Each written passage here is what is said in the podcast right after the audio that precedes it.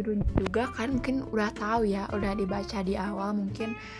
Mungkin ini tentang aku kamu kita dan perasaan yang sering dilupakan ini mungkin kalian nyangkutinnya pasti dengan seseorang someone but this is uh, ini bukan tentang ini bukan tentang asmara semuanya.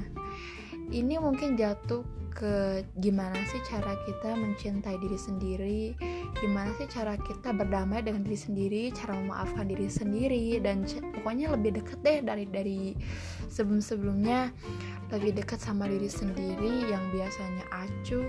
Yuk mulai dari sekarang kita pentingin kita sayangi diri kita sendiri sebelum kita menyayangi diri orang lain. Setuju